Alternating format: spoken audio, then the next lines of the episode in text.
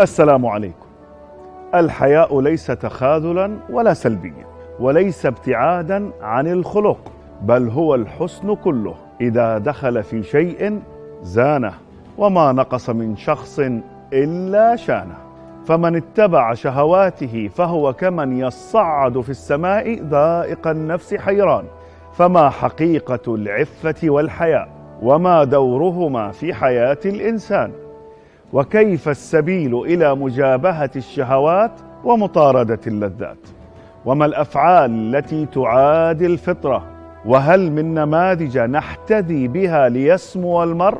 وما مصدر الأخلاقيات التي يجب على الإنسان أن يتخلقها؟ فيحسن في الورى ذكره ويبقى أثره ويصير بين الناس رمزا للطهارة والنقاء ويضرب به مثالا للفضيلة والصفاء.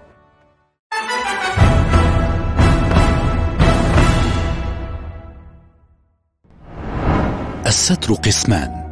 ستر عن المعصية وستر فيها. فمن خاف عقاب ربه طلب الستر فيها. ومن خاف عصيان حبيبه طلب الستر عنها. الحياء من أهم أخلاقيات المسلم. فصاحب هذا الخلق يراقب الله تعالى سرا وعلنا. يقول صلى الله عليه وسلم الحياء لا يأتي إلا بخير. إن عدم التخلق بخلق الحياء يؤدي إلى كثير من المفاسد. فإن دققنا في إحصائيات الجرائم في مجتمعاتنا العربية والإسلامية سنلاحظ ارتفاعا مضطردا للأسف. فحسب إحصائيات مؤشر الجريمة العالمي لعام 2019 فقد تصدرت سوريا الترتيب عربيا بتقييم 9.67 نقطة. تلتها ليبيا 9.62 نقطة. تلتهما الصومال بتقييم 4.56 نقطة. فالمعاصي أضرارها في القلب كضرر السموم في الأبدان.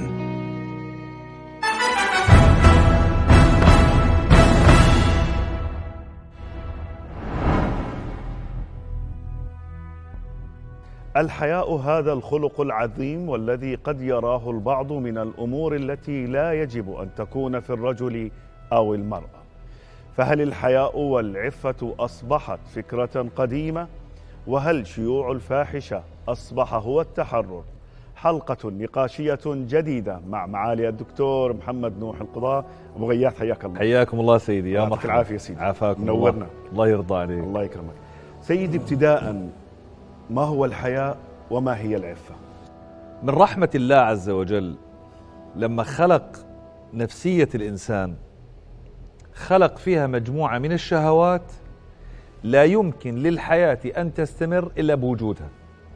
شهوة المال شهوة التملك شهوة التكاثر شهوة النوم شهوة الطعام كل الشهوات اللي ربي سبحانه وتعالى أوجدها فينا هذه الشهوات لا يمكن للحياة أن تقوم إلا بوجودها. يعني لو ربنا سلب منا شهوة الحقد لن يطالب أحد لا بحقه ولن يستذكر فلسطين في أي من كلامه. يعني ليش بنتذكر فلسطين؟ لأن الله أوجد فينا شهوة الدفاع. هذه كلها شهوات. فمن رحمة الله عز وجل أوجد شهوات ليعمر بها الكون. وفي مقابل هذه الشهوات حتى لا تفلت أوجد الله عز وجل فينا صفتين تكبح جماح الشهوة بريكات بلغتنا وهي العفة والحياء. لو ترك الله عز وجل الإنسان بلا عفة ولا حياء الشهوات تسيطر وتبدأ تتحكم في عقله ومراده ومقصده. بده مال من وين ما كان بده تكاثر بأي طريقة كانت. بينام وقت ما بده يأكل وقت ما بده بيشرب وقت ما بده بيعمل اللي بده إياه. وعند ذلك يصبح الإنسان إذا سيطرت عليه الشهوات يصبح الإنسان أجلكم الله جميعا كالحيوان. الحيوان يأكل ويشرب وينام وقت ما بده. ما فيش عنده ضوابط. ضوابط الشهوات وجود الحياء والعفة. فمعنى ذلك العفة والحياء هي قوة قوة. أودعها الله عز وجل في نفس الإنسان تمنعه أن يساير شهواته إلا بما أراد الله. قوة. وليش أنا بقول قوة؟ لأنه تمرن لأنها تدرب. الطفل الصغير عندما يولد آه، في أي لحظة ممكن آه، يوسخ على نفسه. في أي لحظة بيعيط بأي لحظة بده يأكل بده يشرب بده ينام ما فيش الضوابط. فيبدأ الإنسان ينمو وبتبدأ الأم تربي وتعلم. هذا عيب هذا آه مش عيب أو مش عيب. ولذلك أنا بقول ثلاث مصطلحات فقدت من مجتمعاتنا أو كادت الحلال والحرام والعيب. وأي مجتمع تفقد منه الحلال والحرام والعيب يتحول إلى مجتمع غاب. فالحياء قوة قوة في داخل الإنسان تتغلب على شهواته حتى لا ينزل إلى مستوى البهيمية. إذا ضعفت هذه القوة أصبحت المسيطرة الشهوة لأن الشهوة لها سياط تجلد الشهوة جامحة الشهوة قوية. فقال عليه الصلاة والسلام ومن يستعفف يعفه الله. الذي يقوي فيه صفة العفة الله عز وجل يعينه. لكن إحنا عندنا في اللغة الحياء خلق عام والعفة متعلقة بأمرين بشهوتين. بشهوة المال وشهوة الجنس. فربطت العفة بهذين. يعني بنقول فلان عفيف عن مال الغير. عفيف أي أنه يكف يده. والعفيف أيضا تطلق على الإنسان الطاهر المستقيم الذي ليس عنده آه، نزوات في غير مكانه. فكلمة العفة أصبحت هي جزء من الحياة ولكنها مرتبطة بشهوتين معينات وارتباطها أكثر بشهوة الجنس لكن أيضا تطلق على المال. لكن الحياة صفة أوسع من الكل فأصبح الحياء في مقاول الشهوات إما أن يغلب الحياء وإما أن تغلب الشهوة.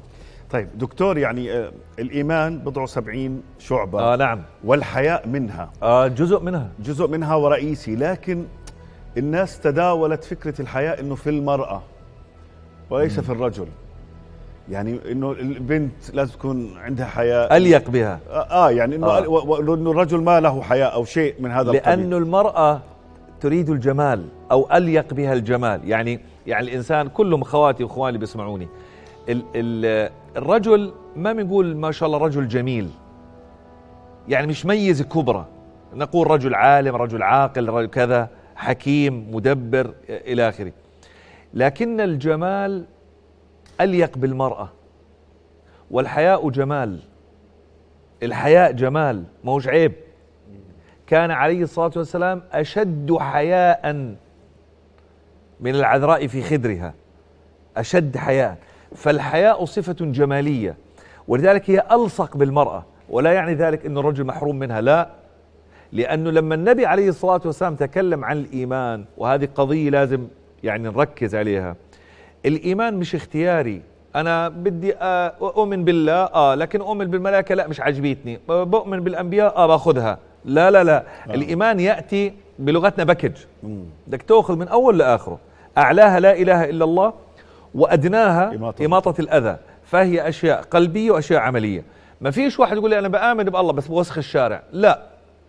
صار اختياري. أفتؤمنون ببعض الكتاب وتكفرون ببعض؟ فالإيمان في في نظر الإسلام أنه مجموعة متكاملة.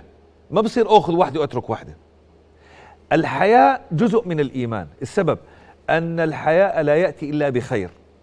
ولذلك لو إنسان أراد إنه ينظر في أحكام الشرع كلها سيجد كل أحكام الشرع مردها للحياء وأنا اعطيك عليها مثال.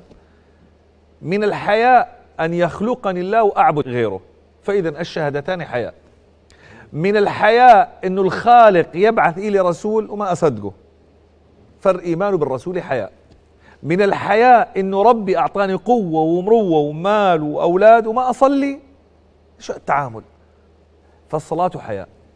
عندما أعطاني ألف دينار أستحي من الله أن لا أخرج خمس وعشرين فالزكاة حياء. عندما أعطاني القوة ومتعني 11 شهر فمن الحياء أن لا أصوم. من الحياء أنه أعطاني أمنا وأمانا ثم لا أزور بيته العتيق كل أحكام الإسلام مردها الحياء. كل أحكام الإسلام مرد الحياء. ولذلك لما قال لك هو جزء من الإيمان أي أن الإيمان لا يكتمل مع إنسان صلف. لأنه إيش عكس الحياء؟ عكس الحياء الفجور. فجور صحيح. آه الفجور. فكيف يكون مؤمن وفاجر؟ ما بركبوش مع بعض. يعني يعني زي اللي بده يركب أبيض على أسود. آه. لا ما هو راح يطغى لون من اللونين. ما. آه ما بينفعش تخلط أبيض طيب واسود دكتور يعني حديث الرسول صلى الله عليه وسلم إن لم تستحي فاصنع ما شئت. يعني كيف نفهم دلالة هذا الحديث في واقعنا؟ يعني هلأ ما في شعرة ما بين إنه أنا آه، حيي وين إنه أنا لا قليل الحياء أو كذا. فكيف نقدر نفهم هذا الحديث ونسقطه على واقعنا؟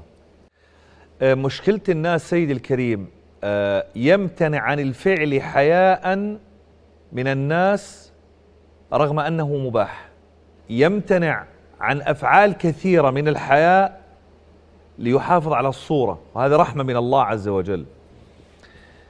إذا لم تستحي فاصنع ما شئت إلى معنيين. والمعنيين خطيرات. أن فاقد الحياء يفعل كل شهواته هاي معنى. إذا إذا فقد الحياء اللي حكيناه في أول اللي الحلقة. حكينا في أول حلقة. صحيح. فاقد الحياء يفعل كل شيء. يعني من الم- المناظر المؤسفة أحيانا تجد واحد بوقف سيارته في في الشارع العام وينزل ليقضي حاجته. هذه ليست تصرفات آدمية. قطعا ليست تصرفات آدمية. واحد بيرفع صوته على والده أو على والدته. هذه ليست تصرفات آدمية مطلقا لأن الحياء يمنع الإنسان أن يكون بهذا الشكل. إنسان يستقوي على بلده الحياء يمنعه. الإنسان لا يعظم علماءه ولا مشايخه ولا دينه. هذا كله ليس من الحياء ليس من الحياء سيدنا إبراهيم يقول يا أبتي. وهو بيصنع أصنام مش كافر وبس لا هو يصنع الكفر. ومع ذلك قال له يا أبتي. وسيدنا إسماعيل مقبل على الذبح وأيضا يقول يا أبتي دلالة على أنه التربية كانت واحدة. يا أبتي افعل ما تؤمر وبده يذبحه. قال إذا لم تستحي فاصنع ما شئت أن الإنسان إذا فقد عنصر الحياء تصبح كل الأمور أمامه مفتوحة فهو كالأنعام. لكن في معنى إيجابي لحديث النبي صلى الله عليه وسلم. معناته إذا لم تستحي فاصنع ما شئت إذا لم يكن فعلك معيبا افعله. إذا لم يكن فعلك معيبا افعله. هذه أوسع. إذا لم يكن الفعل فيه عيب كأن النبي صلى الله عليه وسلم يقول افعل كل ما ملذاتك ما لم يكن فيها عيب. طيب يعني أفهم من كلامك دكتور إنه الحياء هو درجة أعلى في فكرة ال- الحلال والحرام. الحلال والحرام. آه أعلى آه. أوسع. آه يعني أنا ممكن أكون حي في أمر مباح بس حي إني أفعله. نعم.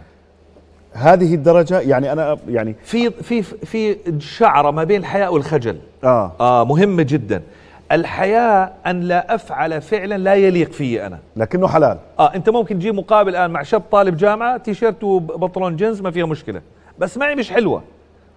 لأنه ال ال الوضع يختلف. فال فالحياء أن تمنع نفسك من الحلال حتى لا تسيء لمنزلتك. هذا الحياء. الخجل خلق بغيض بغيض. يمنعك إنك تطالب بحقك. آه. ولذلك الخجل سلبي. الخجل سلبي. الدين أمرنا بالحياء مش أمرنا بالخجل. الحياء بيحافظ على منزلتك بين الناس. الحياء أوسع من الحلال والحرام. لكن الحياء يحفظ مكانتك بين الناس لا يليق فيك. ولذلك الحياء يتغير من زمن إلى آخر. آه. كان سابقا من العيب انه ان الرجل يخرج حاسر الرأس شالع عن رأسه عيب. فحياء يغطي رأسه. اليوم لا. الحياء خاضع لعرف الناس. أما الخجل فهو خلق بغيض خلق سلبي حاجز نفسي مرض نفسي يمنعك تطلب حقك. وإن كان لك هذا الحق. هذا الخجل. الخجل لا. الخجل إحنا ما, ما لا ننمي أولادنا على الخجل. ننميهم على الحياء الذي يحفظ مكانته. بنقول له اسمع أبوك فلان عيب تعمل كذا. انت اليوم في المنزل فلان عيب تعمل كذا. قد أعددناك لأمر عظيم لو فطنت له. فإياك إياك أن ترعى مع الهمل. ما تكون مع ال- الرعاع اللي الذي ما يليق بهم لا يليق بك. أنت منزلتك أعلى. معاليك نستأذنك بفاصل. حياكم الله. مشاهدينا الكرام فاصل قصير ثم نواصل ما تبقى من المرأة فتفضلوا بالبقاء معنا.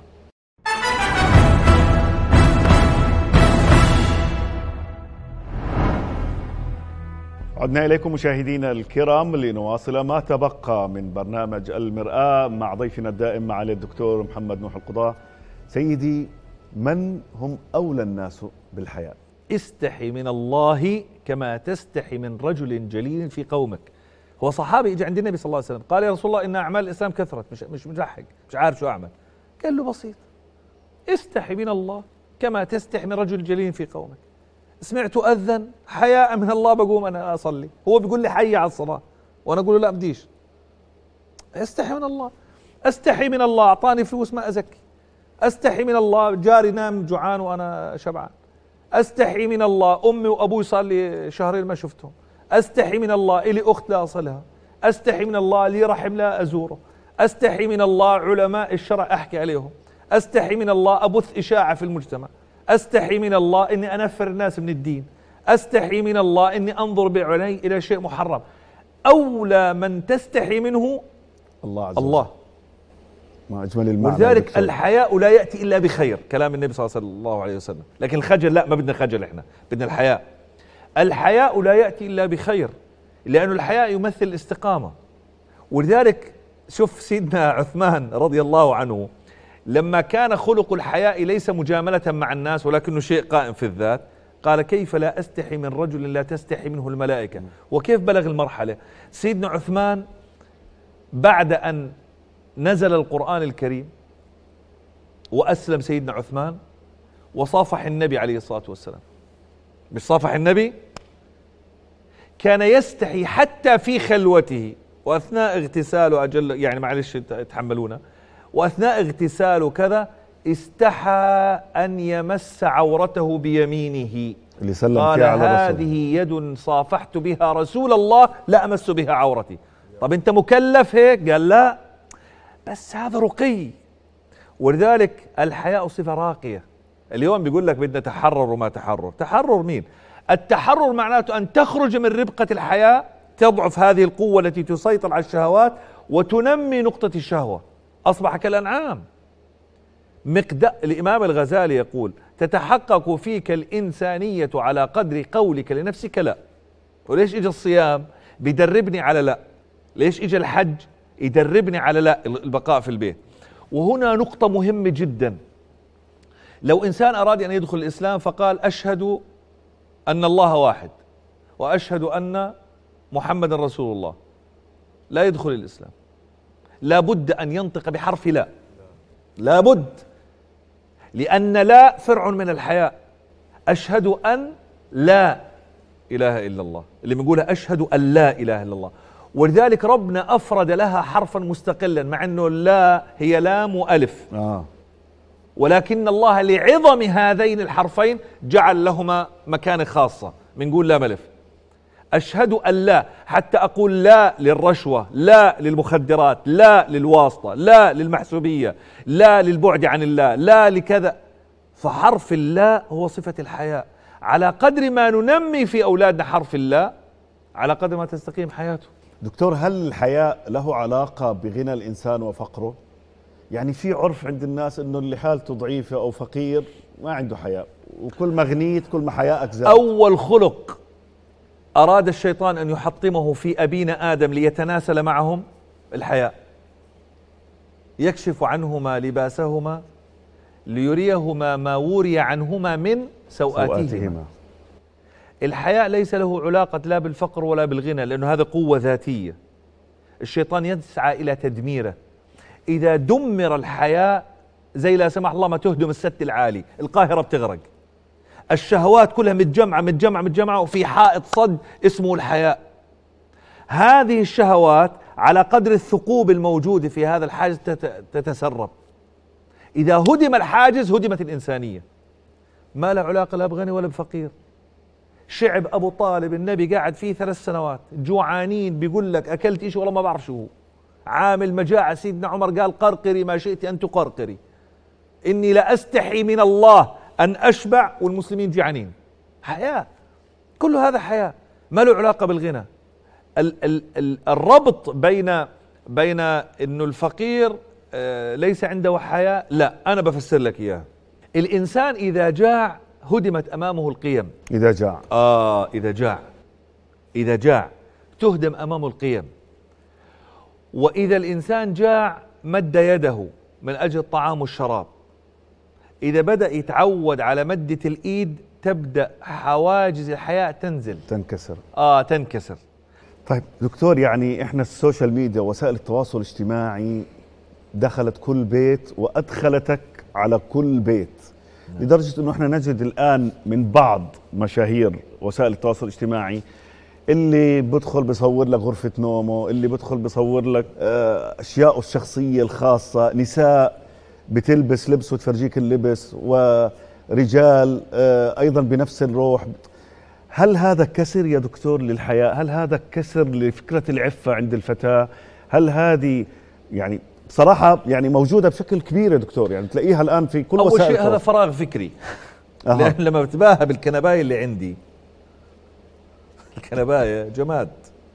المفروض أن يتباهى الكرسي بجلوسي عليه مش أنا أتباهى إن أنا أملكه. سيدنا عمر دخل على على بيت المقدس 17 ركعة. 17 ركعة. ولابس لباسه فيه 17 ركعة. لا عنده آه، آه، نياشين ولا أوسمة ولا عنده برك سباحة ولا عنده فراري ولا عنده لمبرجيني. عنده سيدنا عمر 17 ركعة. لكنهم لم يستطيعوا أن ينظروا في عينيه. لأنه كان مملوءا بذاته وفاض هيبة على غيره.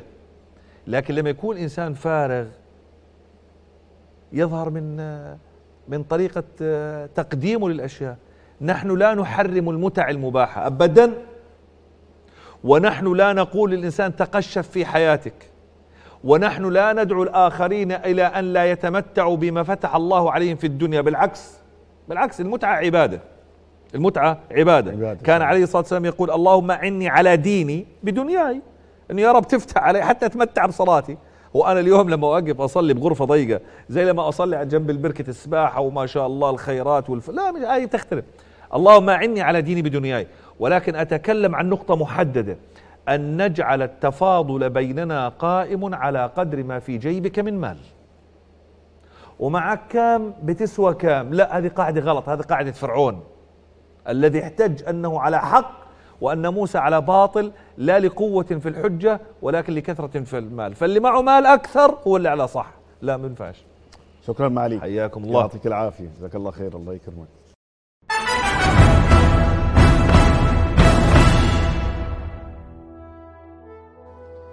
العفة روح الإنسان والحياء شعبة من الإيمان وهما معا درع واقية من كل سوء. لا يلزمهما إلا من كان في حياته ناجحا ولا يشتهر بهما إلا صالح. فمن استمسك بالعروة الوثقى فلا انفصام لقلبه. وإن من معالي الأخلاق أن يرى المرء في الدنيا عفيفا حييا حتى يحشر يوم القيامة تقيا. فعليكم بعفة النفوس وطهارة القلوب واستحيوا من عصيان علام الغيوب وتناقلوا في جنان الأخلاق.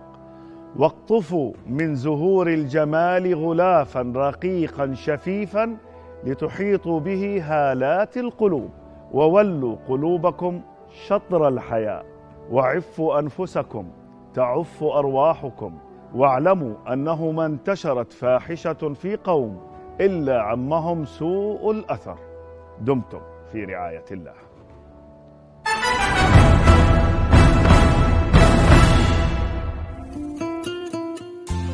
يوما يضوي ليلك بدر.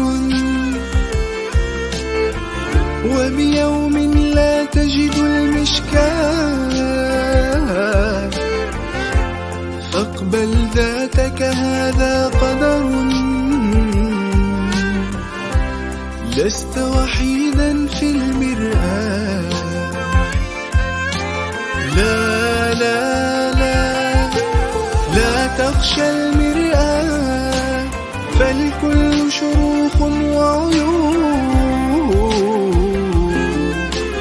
وتريد غلافا هادي وسعي وبجوفك أشلاء حروب بالإقبال تتبدى الأحوال ما بين شوق وغروب